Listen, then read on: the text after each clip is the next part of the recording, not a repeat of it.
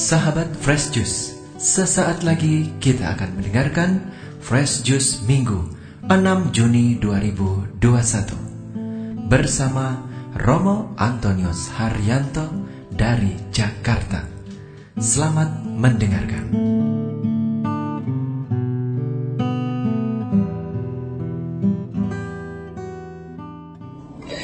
Bapak Ibu, saudara-saudari dan teman-teman muda yang terkasih, apa kabarnya? Semoga Anda tetap sukacita, sehat dan tentunya selalu berbagi kebahagiaan dan keceriaan.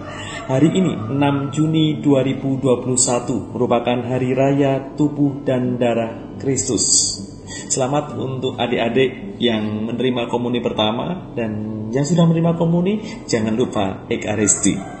Permenungan kita pada hari ini diambil dari Injil Markus bab 14 ayat 12 sampai 16 dilanjutkan ayat 22 sampai 26. Pada hari pertama dari hari raya roti tak beragi pada waktu orang menyembelih domba Paskah murid-murid Yesus berkata kepadanya ke tempat mana engkau kehendaki kami pergi untuk mempersiapkan perjamuan Paskah bagimu Lalu ia menyuruh dua orang muridnya dengan pesan, "Pergilah ke kota.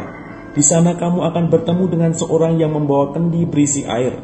Ikutilah dia dan katakanlah kepada pemilik rumah yang dimasukinya, Pesan guru, di manakah ruangan yang disediakan bagiku untuk makan Paskah bersama dengan murid-muridku?" Lalu orang itu akan menunjukkan kamu sebuah ruangan atas yang besar yang sudah lengkap dan tersedia. Di situlah kamu harus mempersiapkan perjamuan Paskah untuk kita. Maka berangkatlah kedua murid itu, dan setibanya di kota, didapati mereka semua seperti yang dikatakan Yesus kepada mereka.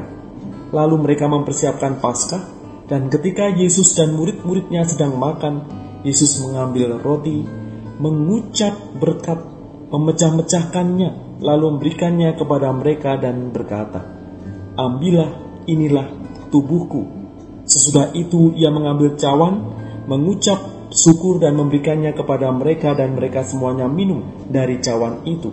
Dan ia berkata kepada mereka, inilah darahku, darah perjanjian yang ditumpahkan bagi banyak orang. Aku berkata kepadamu, sesungguhnya aku tidak akan minum lagi hasil pokok anggur sampai pada hari aku meminumnya, yaitu yang baru dalam kerajaan Allah. Sesudah mereka menyanyikan nyanyian pujian, pergilah mereka ke Bukit Zaitun. Demikianlah sabda Tuhan. Terpujilah Kristus. Bapak, Ibu, saudara-saudari, dan teman-teman muda yang terkasih, kalau boleh saya tanya, sudah berapa kali kita makan? Gak terhitung Romo. Atau sebenarnya sehari kita makan berapa kali? Pada umumnya tiga kali, tapi mungkin ada dari antara Anda yang makan sehari empat kali, lima kali, atau bahkan enam kali. Luar biasa ya. Tapi normalnya orang makan itu tiga kali.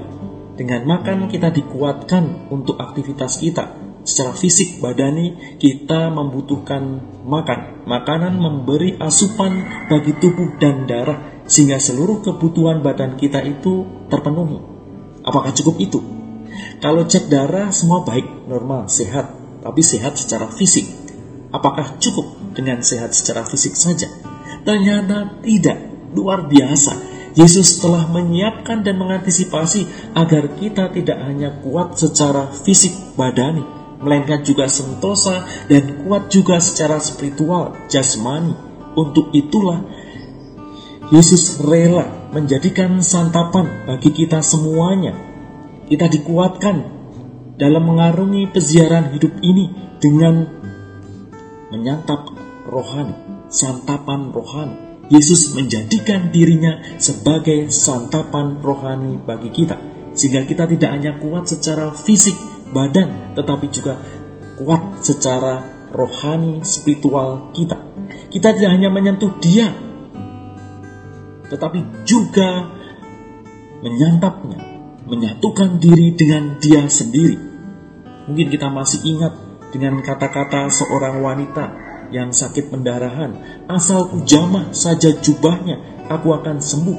Seketika itu juga berhentilah pendarahannya dan ia merasa bahwa badannya sudah sembuh dari penyakitnya. Markus 5 ayat 28 sampai 29. menyentuh saja membuat kesembuhan. Apalagi dia yang hadir dalam tubuh kita, ia yang bersatu dengan diri kita. Ia hadir untuk membawa kesembuhan, membawa kekuatan, badan dan spiritual atas hidup kita. Mungkin Bapak Ibu Saudara-saudari ada yang bertanya, apa bedanya Romo? Istri saya bisa tiap hari. Yesus hadir bersamanya tentunya, tetapi ia masih tetap revel, tetap bawel, Hai suami, bisa jadi ia rewel karena melihat suaminya juga bawel, melihat suaminya juga hidupnya tidak baik, sehingga ia harus mengingatkan, ia harus kemudian menasihati suaminya. Tiap orang dapat berlaku baik dengan atau tanpa ekaristi, dan memang manusia memiliki bakat berbuat baik tapi orang yang percaya akan kekuatan Ekaristi akan semakin melihat dan mengakui bahwa kemampuan berbuat baik serta keberanian untuk menjadi makin manusiawi dan makin lurus itu datang dari sana. Bukan dari kekuatan manusia, tetapi datang dari Dia. Bagi orang yang percaya, kemampuan berbuat baik itu adalah anugerah dari ilahi, anugerah dari Tuhan, dan anugerah ilahi ini ditandai dengan ekaristi. Dalam arti inilah ekaristi membuat kita semakin dekat dengan kehidupan yang ilahi sendiri. Lumayan dok, dia sudah seperti ini. Apalagi kalau tidak mengenal ekaristi. Lumayan dia sudah semakin berubah hidupnya. Apalagi kalau tidak mengenal ekaristi. Perjamuan ekaristi di mana kita menyantap tubuh dan darah Kristus bagaikan kita mendapat asupan makanan bergizi tiap hari. Seperti kalau kita makan, mungkin kita tidak sadar itu hanya kebutuhan sehari-hari dan sebagainya. Tetapi dengan makan yang sehat membuat tubuh kita ternyata juga sehat. Membuat tubuh kita juga kuat dijauhkan dari penyakit dan sakit. Mungkin tidak terasa. Mungkin tidak kemudian langsung berubah. Tetapi kita pelan-pelan diingatkan dan disembuhkan dalam kehidupan spiritualitas. Karakter hidup kita semakin kali, semakin hari, semakin hari, semakin diperbaiki, semakin dimurnikan, semakin dikuduskan. Sadar atau tidak sadar. Romo suamiku prodiakon, tapi kenapa dia kasar? Yang bersemayam dan sering ditemui adalah Yesus sendiri. Kalau Anda yang makan tubuh Kristus yang dekat dengan dia masih tetap kasar, masih tetap nakal, masih tetap belum berubah. Siapa yang bisa mengubah hidupmu? Ia hadir dalam dirimu untuk membawa kekudusan dalam dirimu. Maka ingat, ingat, insaf, insaf. Kalau kita sering kali menyanyikan Yesusku, Aku percaya engkau sungguh hadir dalam sakramen maha kudus. Aku mencintaimu lebih dari segalanya. Dan aku merindukan kehadiranmu dalam jiwaku. Ia yang menyatu hadir dalam diri kita, mengajak kita untuk hidup kudus. Maka sadarlah, wahai engkau yang masih jauh perbuatanmu dari kekudusan. Insaflah, bertobatlah, dan hiduplah dalam kesucian. Maka saya ajak Anda sekalian untuk mengingat tiga hal atas hidup kita. Hal yang pertama adalah hidupku adalah tabernakel hidup. Ia yang hadir, tubuh dan darah Kristus yang kita sambut, kita terima, menyatu dalam diri kita. Kita menjadi tabernakel hidup bagi Allah. Maka kita yang menyambut dirinya dan mengatakan, ambillah, makanlah, minumlah, dan kita bersatu dengan dia. Ingat, kita itu membawa Kristus Ingat kita bersama dengan Kristus, maka ingat hidup kita, mari kita perbaiki, mari kita kuduskan, supaya menjadi makin layak untuk kehadirannya di dalam kehidupan kita. Hal yang kedua, hiduplah aktif, terbuka pada Kristus. Kesadaran pentingnya partisipasi aktif.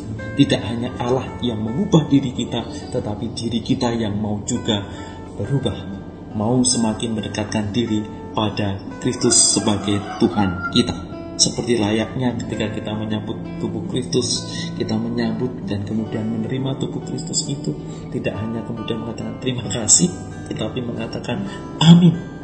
Amin. Saya setuju, saya siap untuk menerimamu, membuat hidupku menjadi disembuhkan, menjadi lebih baik. Hal yang pertama tadi hidupku benar-benar terhidup, Hal yang kedua, hidupku aktif terbuka pada Kristus. Dan hal yang ketiga, hidupku siap berubah dan berbuah. Hidupku siap berubah dan berbuah. Banyak mujizat Ekaristi yang telah kita baca, yang kita lihat, yang kita dengar, maka kita pun siap untuk menerima mujizat di dalam kehidupan kita. Siap menjadi diri yang dipecah diberkati dan kemudian dibagikan. Kalau kita lihat tadi ada gerakan Ekaristi, Yesus memberkati, mendoakan, kemudian dia memecah dan membagi-bagikan. Dan kita juga siap untuk berbuah dengan siap membagikan diri hidup kita dengan solider dan berbagi pada sesama kita. Selamat Hari Raya Tubuh dan Darah Kristus. Semoga kita semakin hari yang bersatu dengan Dia, semakin disembuhkan, semakin dimudihkan, dan kita kita tetap kuat, tidak hanya jasmani, tetapi juga hidup spiritual kita, dan kita siap untuk berbuah dan menjadi berkat bagi banyak orang. Selamat untuk Anda sekalian. Salam untuk keluarga, salam sehat dan salam semangat sukacita dan Tuhan memberkati kita semua. Tuhan memberkati. Sahabat Fresh Juice, kita baru saja mendengarkan Fresh Juice Minggu 6 Juni 2021. Terima kasih kepada Romo Antonius Haryanto untuk renungannya pada hari ini. Sampai berjumpa kembali dalam Fresh Juice edisi selanjutnya. Salam Fresh Juice.